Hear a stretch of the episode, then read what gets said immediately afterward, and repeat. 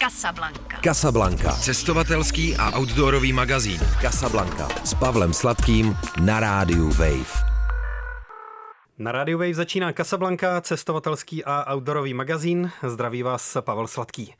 Dneska eh, vykročíme do nového roku s prvním hostem letošního roku a eh, jde zrovna o ten případ hosta, eh, se kterým se domlouváme na tom natáčení a vysílání velmi dlouho. My jsme dnešní díl začali um, domlouvat a začali ho nějakým způsobem připravovat, organizovat v srpnu loňského roku, když se Pavlína Adam, náš dnešní host, vracela z Great Himalaya Trailu, dokončeného tak jsem rád, že ji tady teďka v lednu 2023 uh, eh, můžu přivítat. Ahoj. Ahoj, zdravím všichni posluchače. Abychom si právě o Great Himalaya Trailu uh, povídali. Je to velká věc, protože Great Himalaya Trail eh, doteď dokončila zhruba stovka lidí eh, z celé planety. Nikdo z Česka, eh, čili Pavlína je prvním Čechem, první Češkou, která tuhle trasu v úplnosti zvládla. Navíc jde o vlastně první ženský, čistě ženský tým, který tuhle trasu dokončil v celosvětovém měřítku. Vy jste ji totiž absolvovali ve dvou, ty a kdo? A Sára? Což je kamarádka ze Spojených států. Kamarádka ze Spojených států, se kterou jsme se potkali, když jsme vlastně loni nebo v roce 2021 spolu přecházeli pacifickou hřebenovku, na který jsme se potkali. Nosila si v hlavě ten nápad na to, že půjdete tuhle velkou himalajskou trasu, která v podstatě sklene Nepál od úplného východu až na úplný západ dlouho? Vůbec, vůbec. Uh, ona to byla spíš taková náhoda, tak jak už to bývá. Já ani nerada plánuju. A ve i na pacifickou hřebenovku jsem odjela s chodou okolností z Nepálu, kde právě, kde jsem procházela takový ten klasický trek uh, přes tři sedla kolem uh, Everestu, tak uh, v jednom house jsem tam viděla prostě mapku Great Himalaya Trail a tenkrát jsem na to strašně koukala. Říkala jsem si, probo, jako, co za blázna, jako může jít vůbec takovýhle trail. Prostě mělo to 1700 kilometrů, bylo to dlouhý, šlo to vlastně přes 20 plus technických uh, pětitisícových sedel a vůbec jako jsem tomu jako nerozuměla. Ale prostě po Nepálu jsem si říkala, tyjo, kam bych mohla odjet dál a napadla mě uh, Amerika a podívala jsem se, měla, já jsem měla v hlavě už asi rok myšlenku, že bych mohla odjet na pacifickou hřebenovku, ale kvůli covidu to nešlo a najednou ta možnost se tady otevřela. Takže já jsem z Nepálu s plnou zimní výbavou odletěla přímo, přímo do Ameriky na tu pacifickou hřebenovku a prostě pět dní od toho nápadu jsem stála na mexických hranicích a, a přecházela jsem poušť. No a když vlastně jsem ten tu pacifickou hřebenovku došla, tak uh, člověk pak najednou začne přemýšlet úplně jinak. Chce, chce zpátky, chce do hor a vlastně ani nepřemýšlí, jako kam by jel, ale přemýšlel hlavně, kdy někam pojede. První myšlenka byla vrátit se zpátky do Ameriky, protože těch trailů tam je několik, tady těch dálkových, a takže jsem si pro, pohrávala s myšlenkou, že vyšla na Continental Divide Trail, který je takovou trošku jako nadstavou PCT. No ale uh, pak nějak slovo dalo se slovo, se Sárou jsme se potkali, protože ona mě přijela navštívit do Prahy a jeli jsme pak spolu na polární expedici do Gronska a když jsme se z ní vrátili, tak jsem říkala, tak co, tak jdem do té Ameriky. No a já jsem si nějak vzpomněla prostě na tu mapku z Nepálu a říkala jsem, hele, nepojedeme do Nepálu, prostě v Americe jsme byli loni. A ona je, a co, a co to je? Říkám, no ale jako říká se, že to je prostě jako nejtěžší trail na světě. Ona, aha, aha, to, to zní dobře, to zní dobře, tak jo, tak jedem, no. Takže jsme se takhle jako domluvili a vlastně měsíc a půl na to jsme prostě se potkali v Katmandu a, a najednou vlastně jako, ani jsme to moc neplánovali, možná kdybychom to plánovali víc, tak bychom nikdy neodjeli, no. Ty si teď eh, mimo děk popsala nejenom to, jak eh, vzniklo to, že jste vyrazili na Great Himalaya Trail, ale taky to, eh, proč nám trvalo tak dlouho se domluvit, že se sejdeme tady ve studiu Radia Wave, protože když jsem ti psal jednou, tak si říkala jasně, jasně, ale teď jsem v Jordánsku. Když jsem psal po druhé, tak si psala jasně, jasně, ale teď jsem v Ugandě. Teď si zmínila Norsko, teda Gronsko, PCT a několik dalších aktivit. Kolik eh, takhle času eh, do roka eh, strávíš v Česku? Já jsem tak trochu maximalista, takže já nedokážu věci dělat polovičatě, takže já když pracuju, tak pracuju, ale pak když cestuju, tak cestuju. A teď mám to štěstí, že se mě už propojil trochu ten osobní cestovatelský život s tím pracovním, takže bych řekla, že jako jestli jsem byla doma dva měsíce celkem, tak asi, asi tak. No. Great Himalaya Trail má 1700 kilometrů, jsou rozhodně delší traily, ale tady eh, samozřejmě klíčový faktor jsou ty Himaláje a nějakých 240 tisíc metrů převýšení na té trase? Říká se to, jako asi to změřit nejde, my jsme něco měřili, ale ten terén je tak různorodý, že, že prostě může to být od nějakých 170 do těch 240 tisíců metrů. Tam každý den se šlepe, šlepe vlastně 2 kilometry nahoru, převýšení 2 kilometry dolů, ale tady je potřeba říct, že to je na poměrně krátké vzdálenosti, že to je prostě třeba na nějakých 6-7 kilometrech, takže opravdu ty sklony tam jsou velký. No. Tvoje kolena musí něco vydržet. Moje kolena jsou perfektní. Můžeš nastínit, odkud kam ta trasa vede, nebo ze které strany uh, vy jste šli, aby si posluchači mohli udělat nějakou mm-hmm. celkovou představu, než se potom budeme mm-hmm. bavit o těch jednotlivých místech a já budu vyzobávat mm-hmm. nějaké jednotlivé mm-hmm. zážitky uh, z toho, co jste všechno za těch 101 dní no. zvládli? Uh, tak my, když jsme vlastně se rozhodovali, uh, co půjdeme nebo jak půjdeme, tak my se snažíme, nebo tyto dálkové tra- traily, které chodíme, tak se snažíme jít vždycky od hranic k hranicím, aby se jednalo o takový takzvaný true hike. A uh, my jsme váhali, jestli ten Nepal budeme přecházet, od, jestli ho budeme přecházet od východu na západ nebo od západu na východ, ale my tím, že jsme se rozhodli poměrně pozdě, tak uh, my jsme byli hodně limitovaný počasím, respektive monzony, který, uh, který tam přichází vlastně 1. června. A my jsme začínali 1. května, takže jsme věděli, že si budeme muset hodně pospíšit a budeme těm monzunům muset utíkat. Takže my jsme šli od vlastně indických hranic, které jsou na východě, až potom k tibetským hranicím na západě že přes celý Himalaje jsme to takhle postupně přecházeli. Což znamená, že se začíná zjednodušeně řečeno pod Kanchenjungou. Mm-hmm. Uh, tak jaký byl ten začátek? ten začátek byl hrozný. Uh, ono totiž jenom jako dostat se na ty hranice, nebo, nebo Kanchenjunga Basecamp uh, není úplně na hranicích. Uh, asi by se dalo jít ještě o kousíček dál, ale uh, bylo by to hodně technické lezení a my jsme museli hodně přemýšlet o tom, jakou výbavu si vezmeme, do jakých částí, takže jsme začínali v Kanchenjunga a Basecampu, jenže ono vlastně ten trail, jak se říká, že je nejtěžší na světě, těžko říct, každý to má jinak, každý má rád něco jiného, vyhovuje mu něco jiného, ale uh, on je ve výšce 5150 metrů, 5140, takže ono prostě jenom dostat se na ty hranice nám trvalo 14 dní, protože člověk se musí postupně aklimatizovat uh, na výšku, musí si zvyknout na to prostředí, dostat se tam, takže my jsme nejdřív z Katmandu prostě museli uh, udělat jeden přelet, pak jet dva dny jeepem a pak jít ještě prostě asi týden prostě, než jsme se vůbec do toho basecampu dostali. Tak, takže jako dostat se vůbec na, ty, na ten začátek, uh, to je vlastně to, co je pro vyvrcholení pro některé trekaře, dojít do basecampu Kanchenjunga a vrátit se, tak pro nás to byl vlastně jako úplný začátek a startovací bod nula.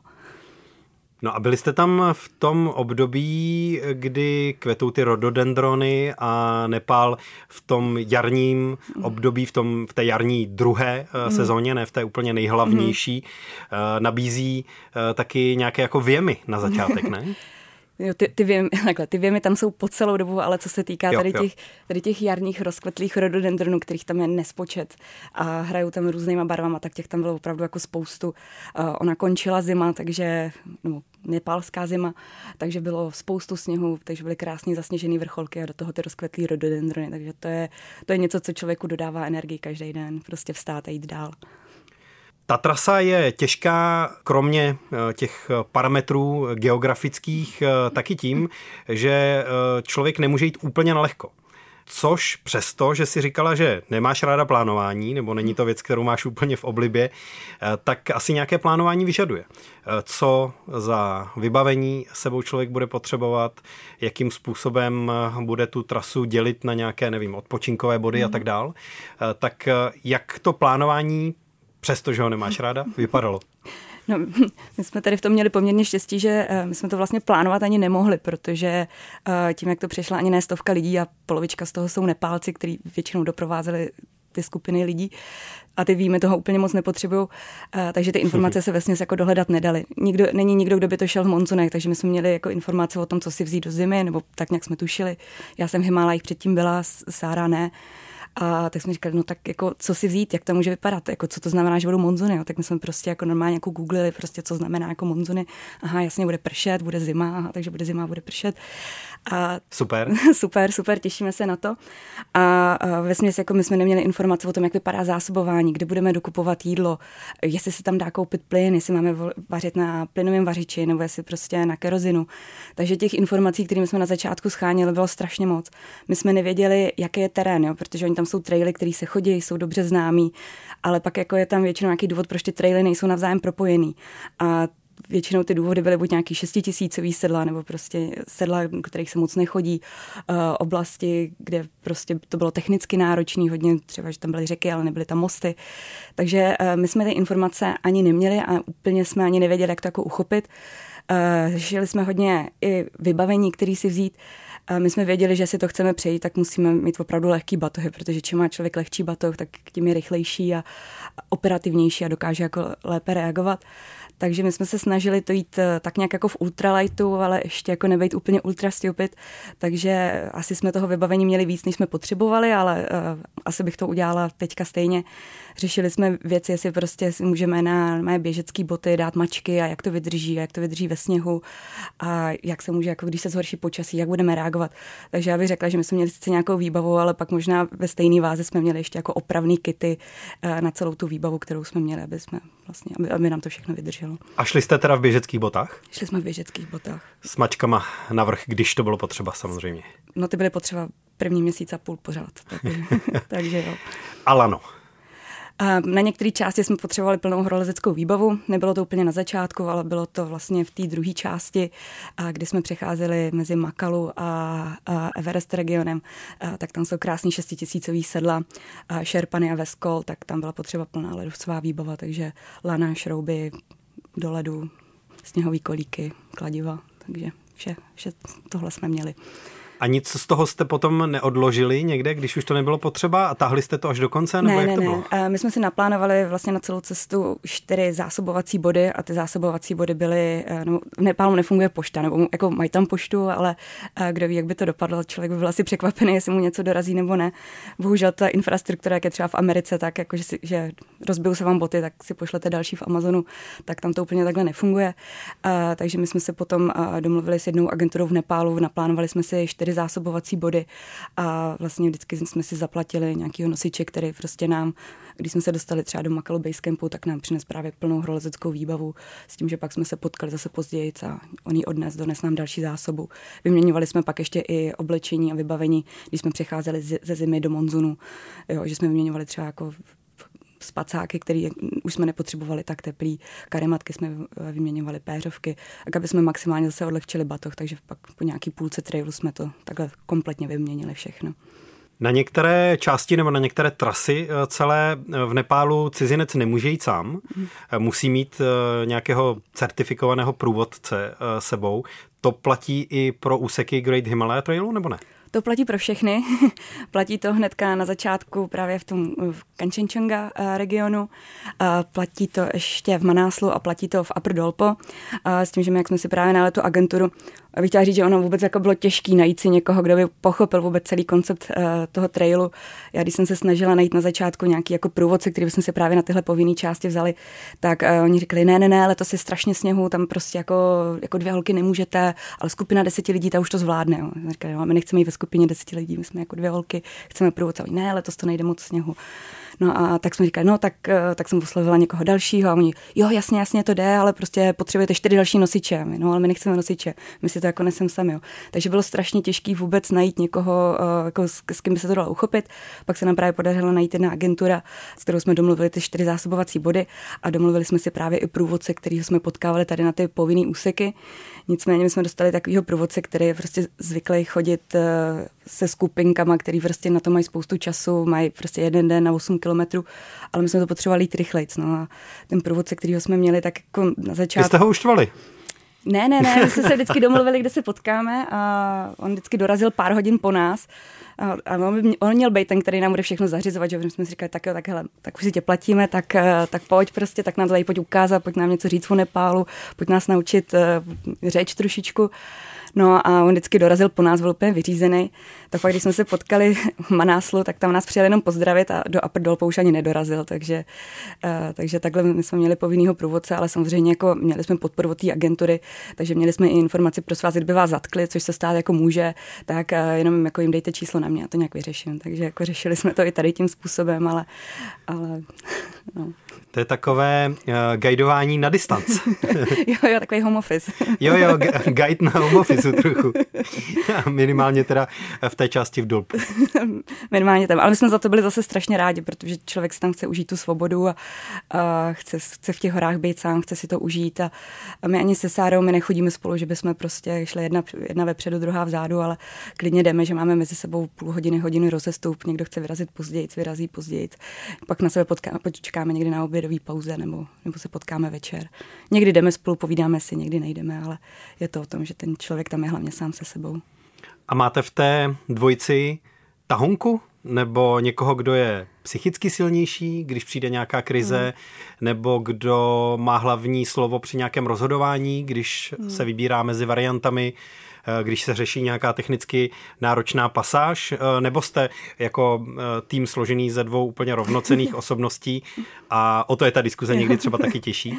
My jsme spíš dvě takové individualistky, že každá dokážeme se rozhodovat sama za sebe, každá máme nějaký vlastní názor a já bych řekla, že jako tady v tom fungujeme velice dobře, že uh, si dokážeme dohodnout úplně na všem. Je to většinou tak, že on ten trail byl hodně psychicky náročný právě kvůli navigaci, protože uh, tam nefungují úplně mapy, nebo mapy se dají koupit, jedna má dobrý topo, ale má špatný názvy, druhá má špatný názvy, nebo dobrý názvy, ale špatný topo.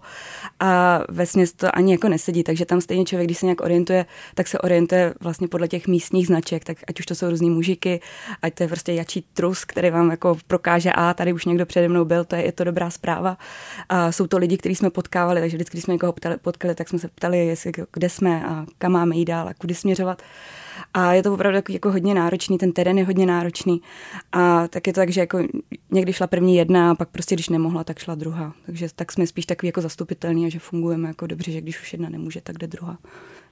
Popiš nám, jak vypadaly ty přechody těch nejnáročnějších sedel. Já z tvých zápisků, které jsem našel online, eh, vím, že ne vždycky to počasí bylo ideální, což eh, ve výšce, která se blíží 6 tisícům nebo je dokonce přesahuje, je samozřejmě eh, klíčový faktor. Tak eh, jak vypadaly ty technicky nejnáročnější a vysoká sedla? tak ty byly nádherný. Ty, ty, ty se nám líbily strašně moc. Ono to někdy tak je, že člověk, když je připravený na to, že přijde nějaký těžký úsek, tak se na to připraví, bojí se toho, má, má nějaký obavy, ale ve finále jako asi na, nebyla to úplně taková ta klasická trekovací cesta, že by člověk prostě hodil batoh na záda a šel. Opravdu už to vyžadovalo nějaké horolezecké znalosti, eh, který já i Sára máme. Máme ty zkušenosti předtím, takže my jsme věděli, co nás v tomto ohledu čeká. Takže tam jediné, co nás překvapilo, tak bylo počasí, kdy se vám v 6 tisíců dělá prostě mlha, že nevidíte na krok, nevíte, kde je nahoře, kde je dole, tak tam jsme museli nouzově bivakovat pár hodin, než se to trošičku protrhalo, aby jsme mohli jít dál, protože uh, není to úplně místo, kde by člověk uh, chtěl kempovat. Uh, bylo to v lavinovém trhlinovém uh, poli, kde prostě padalo spousta kamenů, takže to bylo takový neúplně příjemný, ale bylo to technicky náročný z toho hrolezického pohledu, ale jako my jsme si to užívali, takže tohle úplně asi nebyla ta nejtěžší část, která nás čekala. Ba naopak, ta nás bavila úplně nejvíc a motivovalo nás to i teďka se věnovat víc než dlouhým trailům a tak těm vysokým horám, ale ty těžké úseky kolikrát byly eh, někde úplně jako jinde. Byly to v džungli, kde jsme opravdu jako několik eh, dní prostě se prodírali džunglí, kde jsme nevěděli prostě, jestli máme jít nahoru, dolů, doprava, doleva. Sucho nebylo? Sucho nebylo, pršelo to, hrozný klouzačky a prostě všude samý pijavice, který vás prostě uvádí v šílenství, takže No, to byla asi jako nejhorší věc, která mě tam potkala, ty pijavice. Kolik jsi, jich, kolik jsi jich měla na sobě nejvíc najednou? To, to, vůbec, to, to si nedokážu ani představit, ale uh, vím, že jsem měla třeba na jedné botě 20, ale když jsem je odházela z jedné boty, tak mě nalezli na tu druhou botu a já jsem se tam pak úplně vstekla, až, až jsem, až jsem si tak dupla, že jsem prostě to sjela po zadku dole, pak jsem ty pijavice měla i ve vlasech, tak jsem se tam rozbrečela úplně vstekla, jsem říkala, tak jak se uklidníme, musíme jít dál, takhle to nevyřešíš a, a šla jsem dál, no, takže to bylo vlastně jako jediná, jako jedin, jediný, kdy jsem, kdy jsem na trailu brečela, no. Pijavice tě dohnali k pláči. Ty mě dohnali k pláči hodně, no.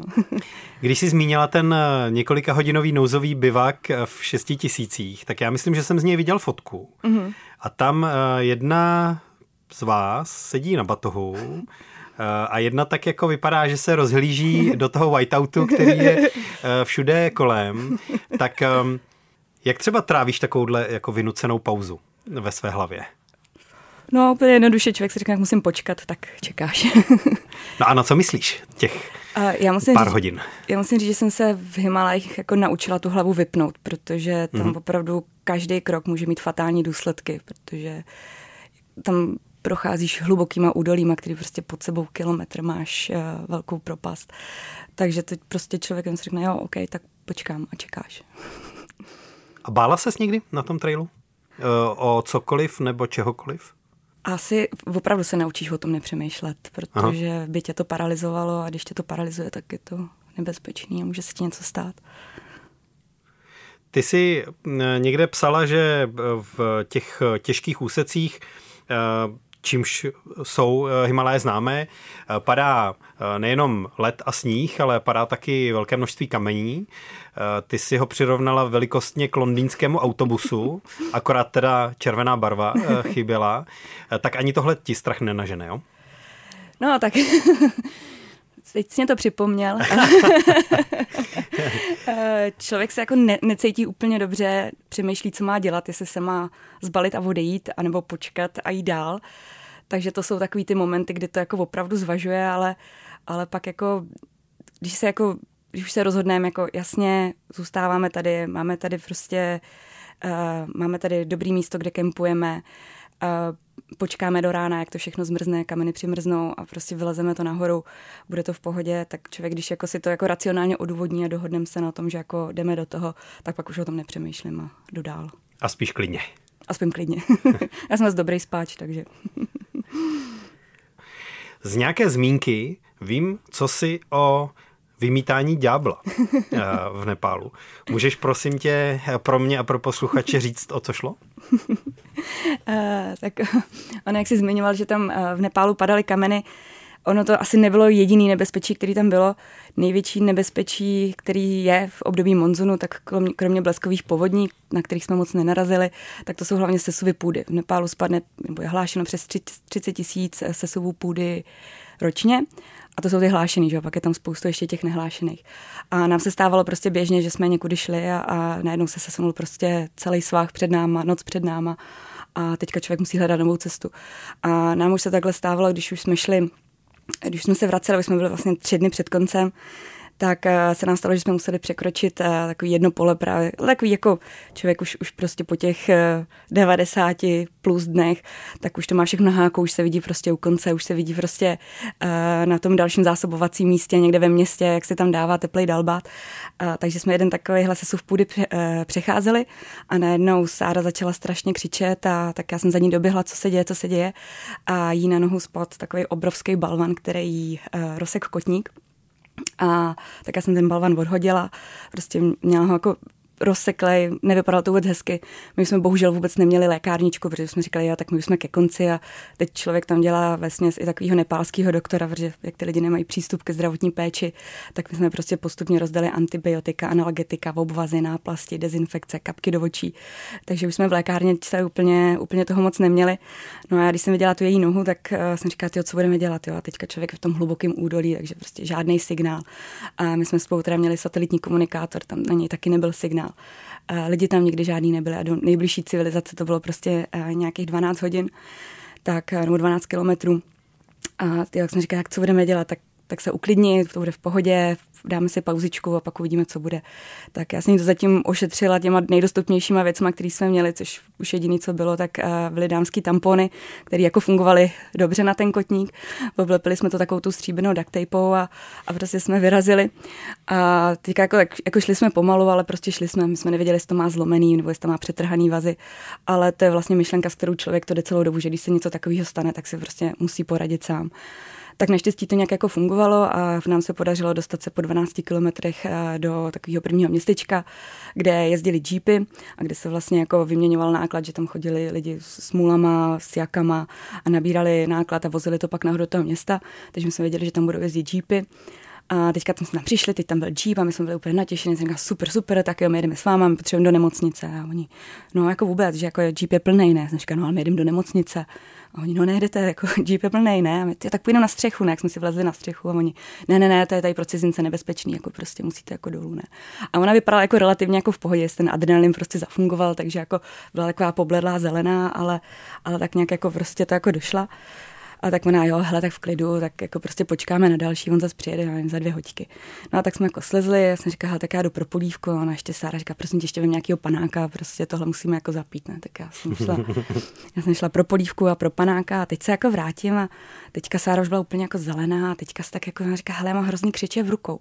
A tak já jsem se pojela na ty její ruce a ona měla úplně pokroucený ruce a říkám, ty to je nějaký divný, ale tak jako prostě kři, člověk jako mývá křiče, že má jako velkou jontovou disbalanci a ta strava nebyla úplně nejpestřejší ani různorodá. Takže uh, jsem říkala, to je divný, jak jsem začala masírovat ruce. No a teďka ona najednou prostě z ničeho nic, jako prostě se na mě vlečela a začala prostě jako hrozně jako žvatla, úplně wow, wow. Říkám, aha, aha, tak co mi asi jako říká, ne? No ona se měla jako snažila říct, že to, co se jí děje s rukama, se jí děje úplně v celém těle a že prostě jako se jí to děje prostě v žaludku, že se jí to děje s plícema, že se jí to děje s jazykem, že nemůže mluvit. A najednou se prostě úplně jako sesypala na zem a začala se celá třepat a, a teďka já se na ní koukala a teďka jsem říkala, jako, jako, co mám dělat? A musím říct, že v ten moment prostě já jsem vůbec nevěděla. Mě, mě nenapadlo vůbec nic. Strašná beznaděj, prostě jestli mám první jí dávat první pomoc, nebo prostě jít, jako jít někam volat jako záchranku. A tak jsem se tam snažila komunikovat s místníma, kteří se najednou jako seběhli a tak jako seděli kolem ní a říkám, tak zavolejte, zavolejte doktora, ne? A oni, no to jako tady, tady není žádný doktor, jako doktor China. A já úplně, aha, aha, a tak, eh, tak někoho zavolejte. Oni, no tady není signál. Já úplně, tak jako dělejte něco, ne? No a teďka jako prostě najednou tam přišel jako jeden borec a teďka jako začal prostě kontrolovat, podíval se jí do pusy, říkám, jo, jasně, to mě mělo napadnout, zkontrolovat jazyk, jestli je v pohodě. A tak jako vypadal, že jako něco dělá, ne? Tak, že jako že ví, co dělá, jsem říká, paráda, tyjo. tak jako byla jsem strašně jako ráda, že jsem tak velký pocit beznaděje prostě nikdy, uh, nikdy nezažila.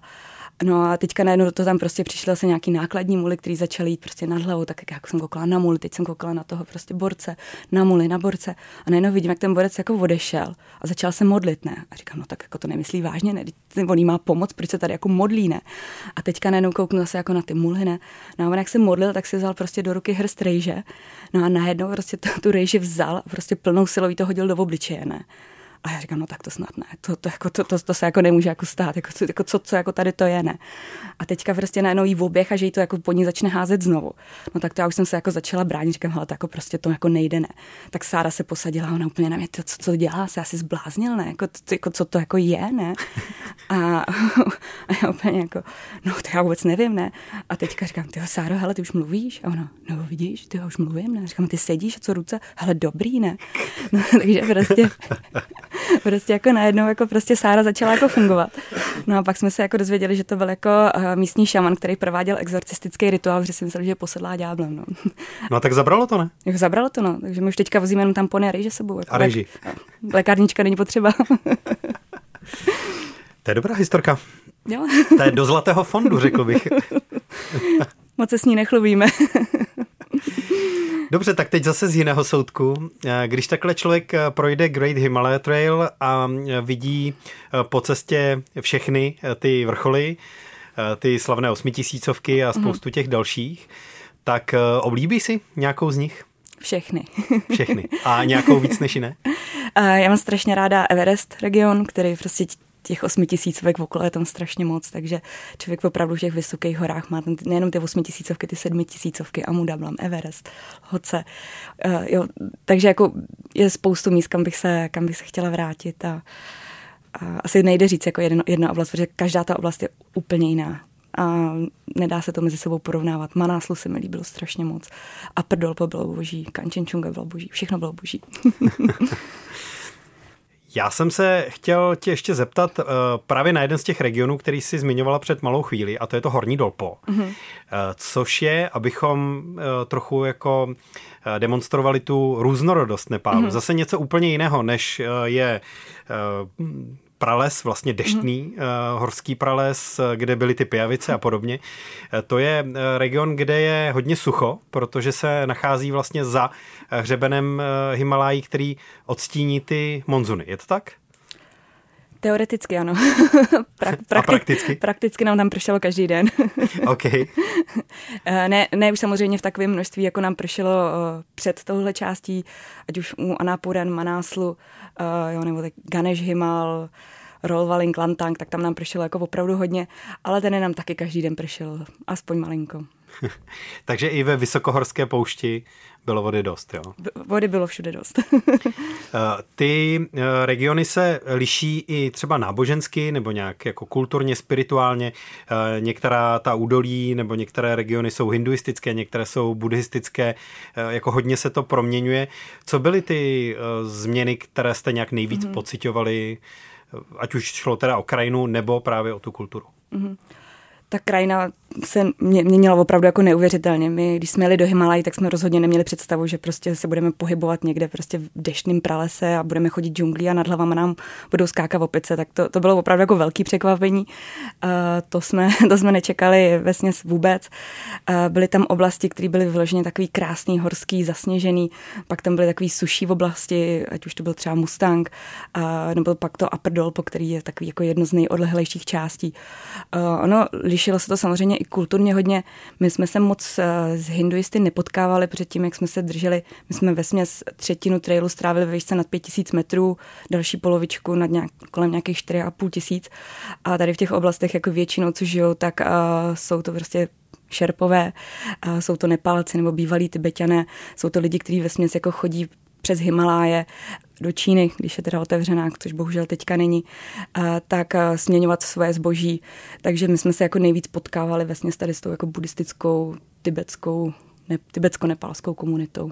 Takže Hindu jsme úplně, jako narazili jsme na komunity, většinou to bylo ve větších městech, ale pak co se týkalo těch hor, tak tam jsme se opravdu, my jsme měli štěstí, že jsme to šli v monzunech ve směs i v tom, protože spousta lidí se vydává s jaky na pastvu, protože se dostávají do nějakých vyšších uh, nadmorských výšek kolem 4,5 tisíc, takže my jsme měli tohle jednodušší se zásobováním v tom, že jsme věděli, že třeba každý den nebo jednou za dva dny narazíme na nějaký prostě stán, uh, kde bude bydlet jedna rodina, která bude mít mít uh, pár jaků a že tam si můžeme vždycky najíst, koupit si polívku, koupit si nebo nechat si udělat dalbát, přespat u nich případně. Takže to, v tomhle jsme měli jako poměrně hodně velkou výhodu. Můžeš říct, co je dalbát a v jakých uh, verzích jste ho zažili? Uh, tak dalbát je ve směs jenom rýže a taková čočková polívka, eh, která samozřejmě může mít spoustu obměn. Každá žena ji vaří trošičku jinak, což je poměrně výhoda, protože ten dalbát jsme tam měli, eh, těch jsme měli asi tak 150, takže to jsme docela ocenili. Většinou se k tomu dává eh, nějaká zeleninová příloha. Samozřejmě, když je člověk někde ve městech, tak ty přílohy bývají veliký, ale pak, jak je člověk v horách, tak se nám opravdu stávalo, jsme tam dostali k tomu nějaký, nazvala bych to asi špenátem, byla to prostě nějaká zelená tráva, která chutnala jak zelená tráva. A, no to a... se říká, že eh, to potom splňuje očekávání, když jo, jo, jo. něco vypadá jako eh, zelená tráva a chutná tak. to jako zelená tráva? No, ale někdy se nám třeba stalo i, že jsme dorazili do míst, kde prostě byly tak chudí, že prostě neměli na to, aby si koupili rejži, neměli na to, aby si koupili sůl, takže vyloženě si všechny produkty museli pěstovat sami, takže jsme tam třeba jako jedli jenom brambory, prostě, který jsme měli k snídaní, k obědu, k večeři, prostě brambory vařený ve slupce, bez soli, takže sůl jsme si pak už nosili vlastní, protože ona je dobrá i na ty pijavice, protože to je jediný, co na ně uh, funguje, aby, aby se od vás odsáli, takže uh, já jsem nosila hodně soli. já jsem myslel, že jod nebo jodová tinktura uh, je taky řešením. I nějaký dezinfekce na ně fungoval, tak to se tam schání blbě, jako to, to většinou schání jako, jako hmm, to. Hmm. Paradoxní člověk jako sežené uh, lak na nechty, ten měli jako skoro všude, takže to jsme měli radost, že to byl náš takový jediný uh, jako styk s civilizací, ale jako pak jako takový jako potraviny jako sůl, tak ta, ta kolikrát ne úplně všude byla. A ten lak jste si dokoupili? Nebo jste jo, se jenom ne, poradovali jo. z toho, eh, z té známky civilizace a šli Ne, ne, ne, my jsme se samozřejmě jako nalakovali ty nechty. Můj docela velký zážitek, i když to není nic jako objemného samozřejmě z Nepálu, byl, že při cestách na některých těch eh, trailech člověk ne vždy úplně pozná, jestli to, co dostává někde k pití, je ještě čaj, anebo už jenom horká voda, eh, která je třeba jenom jako trošku eh, očouzená tím, že se ohřívala nad ohněm. Organic tea. Tak, organic tea. A když jsem to popíjel, tak jsem si vždycky tak říkal, hm, tohle už je jenom voda. No, i když, možná, a ne, je to jenom voda. A e, že to je takové jako měřítko toho, že se člověk nachází někde, e, kde ještě e, třeba čaj je, kde mm. už mhm. se s ním jako hodně šetří a kde už se prostě pije jenom ohřátá voda. Mm. No, je to tak, je to tak. My na začátku jsme měli strašnou chuť na kafe a kafe tam prostě vůbec nikdy neměli, takže jsme začali pít čaj a na konci jsme strašně chtěli čaj a už měli zase jenom to kafe, ale oni většinou to funguje tak, že co dělají v horách, tak dělají hodně butter tea, což je vlastně uh, čaj s máslem, má to takovou naslanou mastnou chuť. Uh, začátku nám to vůbec nechutnalo, ale pak člověk zjistí, že to jsou prostě kalorie, takže jsme to, jsme to měli strašně rádi, ale uh, takže oni pijou čaj na újtanou, ale pak už pijou jenom horkou vodu, takže ono je to pro ně i nějaké jako, uh, není to, že by neměli ten čaj, ale že oni jsou prostě jako zvyklí pít horkou vodu, takže uh, se naučili jsme se pít taky horkou vodu. Takže když teďka tady jdu někam do restaurace a chci nějaký čaj bez kofeinu, který ne vždycky úplně mají, tak řeknu, tak mě dejte horkou vodu, tak na mě dost koukají. je úplný západ Nepálu eh, tak odlehlá eh, část země, eh, jak to vypadá? Tam míří nejméně expedic, nejméně trekařů, to tak minimálně působí z vnějšku. Jaký je tenhle ten region, který pro vás byl teda mm-hmm. na úplném konci té trasy? Je odlehlý, je hodně odlehlý. A tam dokonce ani místní nejsou v některých částech, takže my, když jsme přecházeli jednu část, bylo to vlastně, když člověk začne scházet už, už z hor, z těch pětitisícových vrcholů, tak když se dostane na nějaký výšky 4000, tak tam už ani ty místní moc nechodí, nemají důvody tam chodit s jakama na pastu, protože ty potřebují ty vyšší výšky, takže opravdu takový ten konec, konec těch Himalájí tak nebyl obydlený vůbec. My jsme měli třeba velký problémy, když jsme tady tu část přecházeli, tak jednak tam nejsou vyšlapané stezky, byť jako jasně, občas tam někdo projde, ale není to nějak jako, že by prostě tam chodili třeba i s těma jakama a nějak jako dopravovat nějaký zboží, takže ty traily tam byly spíš takový jako orientační, ale co jsme měli velký problém, že jak jsme byli jako zvyklí si dokupovat jídlo tak nějak jako postupně v těch horách u těch místních, tak tady jsme jako si říkali, jo, tak radši si jídlo koupíme jako den předen, než se do té oblasti dostaneme a shodou okolností tam byl takový obchůdek, tak jsme do něj přišli a říkám, no tak jako my si chceme nakoupit jídlo, oni jasně, jasně, máme rejži. A my, no jako dobrý, ale my nemáme plyn, takže rejži úplně jako nechcem. A jako, no, máte, máte nějaké jako sušenky, ne, sušenky nemáme. A tak máte campu, což je taková ta kaše, ne, to taky nemáme. Takový, no, tak uh, máte brambory, vajíčka, že jsme si to jako uvařili, vzali si to jako sebou na tvrdo. Ne, to taky nemáme, no, tak co máte? Takový, no, máme čínské polívky, no, tak, tak my si každá vezmeme 15 kusů čínských polívek, což jako i tak bylo strašně jako málo, protože člověk potřebuje tak 3-4 tisíce kalorií na den. A tak jsme si vzali ty polívky a my takový, no tak něco, co má energii. No tak máte cukr? Jo, máme cukr. No, tak jsme si každá vzali půl kila cukru, jo, který jsme prostě zakusovali k těm uh, čínským polívkám. A víte, já ty čínské polívky docela jako mám ráda, tak uh, musím říct, že teda jako, pak když člověk to má k snídaní, k obědu, k večeři, tak už, už, už mu to úplně jako nechutná. A, takže to bylo jako hodně problematický, bylo to hodně odlehlý, ale bylo to zase jako nádherný. No. Zase člověk tam prostě jako nepotká nikoho. My jsme teda jako za celou dobu nepotkali nikoho, my jsme tam potkali asi 10 turistů a polovička z toho byli tajští mniši, kteří nemluvili anglicky, takže my jsme tam docela hodně trpěli sociální deprivací, protože s těma Nepálcema si člověk úplně moc nepokecá. Takže jako to, no, takže jako bylo to krásný, ale na druhou stranu, jako, že člověk hodně pak bojuje sám se sebou. Tenhle ten boj s tebe samotné se sebou mě právě zajímá, jako ta, ten, ta vnitřní eh, cesta, eh, kterou si šla. Ta vnitřní cesta, eh, já jsem měla třeba na pacifický hřebenovce, nebo tam člověk, když jde, tak tam jsou jako nádherně upravovaný traily, tak člověk tak jako dá kolikrát jako prostě nemusí myslet na nic. Může si být sám sobě v hlavě a teďka jako řešit prostě, co by chtěl dělat, co udělal, co neudělal ale musím říct, že v tom Nepálu prostě uh, na tohle člověk vůbec myšlenky nemá. Musí se strašně soustředit. Jak na chviličku prostě vypne, tak uh, prostě zakopne a tam každý prostě zakopnutí opravdu uh, může být hodně špatný. Takže ani na to úplně jako prostor jako nebyl. Pak si člověk hodně zakazuje na některé věci myslet. Pak někdy jde prostě do velkého kopce a už jako nemůže, nechce, prostě je mokrý. Jsme byli pořád mokrý, pořád nám byla zima. A tak jako člověk jako chodí, my tomu vždycky říkáme jako pain cave, jakože takový jako jeskyně bolesti, kde prostě se člověk zavře a dokud ta bolest nepřestane působit, tak je v té v tý svý jeskyni. A mně se třeba stalo, že se mě zasekla hlava na nějaký myšlence a já jsem třeba dokázala v hlavě dvě hodiny prát stán, prostě doma ve vaně, jako jo. Takže jsem ho prostě jako prala, ždímala, sušila. Jo, a teď jsem to jela prostě ty dvě hodiny pořád jako dokola, než jsem jako se dostala někam, kde prostě jsem tady tu svoji pain cave mohla opustit a zase si přemýšlím o něčem jiném. No. Pain Cave. Jo, to si budu pamatovat. Znamená to, že někomu, kdo by chtěl jít v podobnou nebo stejnou trasu jako vy, eh, by si doporučila začít dřív, aby ten útěk před monzunem měl trochu větší rezervu? Fungovalo by to? On je každý rok strašně jiný, takže ono opravdu těžko říct. A my jsme měli, nám říkali, že zima byla strašně dlouhá a velká, že měli jsme strašně moc sněhu na začátku a oni říkali, hele, to je v pohodě, protože aspoň ty monzuny přijdou později. No a nepřišli, přišli hnedka po zimě nebo ne ještě jako s tou zimou. Takže ono opravdu jako změny klimatu, které jsou, tak prostě projevují se na všech úrovních. Jo. Zaznamenali jsme to i teďka v Jordánsku, když jsme byli v poušti. A bylo to hodně znát v tom Nepálu. Je to těžko říct, prostě každý, každý rok je jiný, to počasí je teďka hrozně nevyspytatelný, takže uh, těžko říct. Hodně, když to lidi chodí, tak to chodí na etapy, že to jdou uh, na jaře a pak to jdou na podzim, že si vyberou ty nejhezčí okna. Má to určitě něco do sebe, jsou krásné výhledy, neprší, člověk prostě si to jako víc užívá. Takže jako těch cest, jak to jít, je spousta, jo. Nebo hodně lidí to chodí, že prostě to chodí po úsecích. Takže znám lidi, kteří ve směs ten Great Himalaya Trail přešli už skoro celý, protože do Nepálu jezdí posledních 20-30 let a ty, ty cesty tam znají poměrně dobře.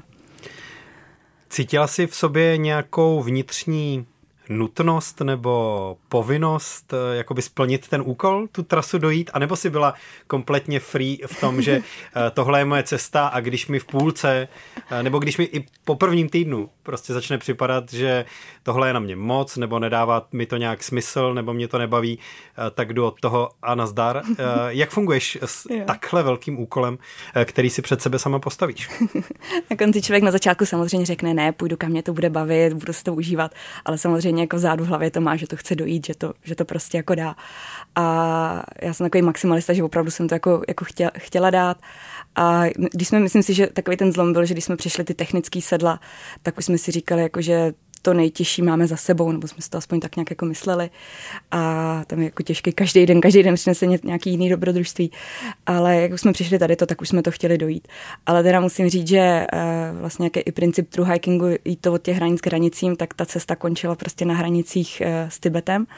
A musím říct, že my jsme byli v takovém stavu, kdy jsme opravdu přemýšleli, že to tři dny před koncem zdáme, protože jsme byli strašně vyčerpaní. Jednak fyzicky, protože nás čekala ta oblast, kde jsme neměli úplně moc jídla, jak jsme byli takový vyhladovělí, pohublí Uh, psychicky už prostě člověk, jak je opravdu promočený, tam jako jediná šance usušit něco, je to usušit na sobě, takže my jsme měli jako dva páry v oblečení, takže když bylo jedno mokrý, tak jsme si vzali to suchý, když promoklo to, tak jsme čekali, až se to usuší, když to usušilo, jsme se převlíkli do toho druhého mokrého a sušili to zase na sobě, takže člověk je opravdu pořád mokrý, pořád vyčerpaný. Uh, teďka stráví i poměrně, že tam člověk nemůže jít teďka řeknu 15 hodin denně, jak jsme to dělali třeba v Americe, a protože opravdu jako ta pozornost se snižuje a už to pak nebylo bezpečný, takže my jsme chodili třeba od 9 do rána, do pěti, do šesti večer a pak je člověk ve stanu a teďka by chtěl něco dělat, nemá co dělat, venku prší. Jo, tak je to takový, jako bylo takový jako hodně náročný, takže jsme opravdu jako si pohrávali s myšlenkou, že bychom to nedošli, ale paradoxně to zranění, které se stalo Sáře, tak uh, my jsme pak skončili v nemocnici. V nemocnici to po Nepálsku ošetřili, tam samozřejmě chodí lidi, když už mají pomalu už jim chybí noha a s takovýmhle zraněním tam ani nechodí. Já si myslím, jako, že u nás by tam dali třeba tak jako pět stehů a byla by 14 dní doma s nohou nahoře. Eh, v Nepáli řekli, že to je úplně všechno jako v pohodě a že prostě může jako chodit, ne, ona jako hodně chodit, no jasně, že můžete hodně chodit, no.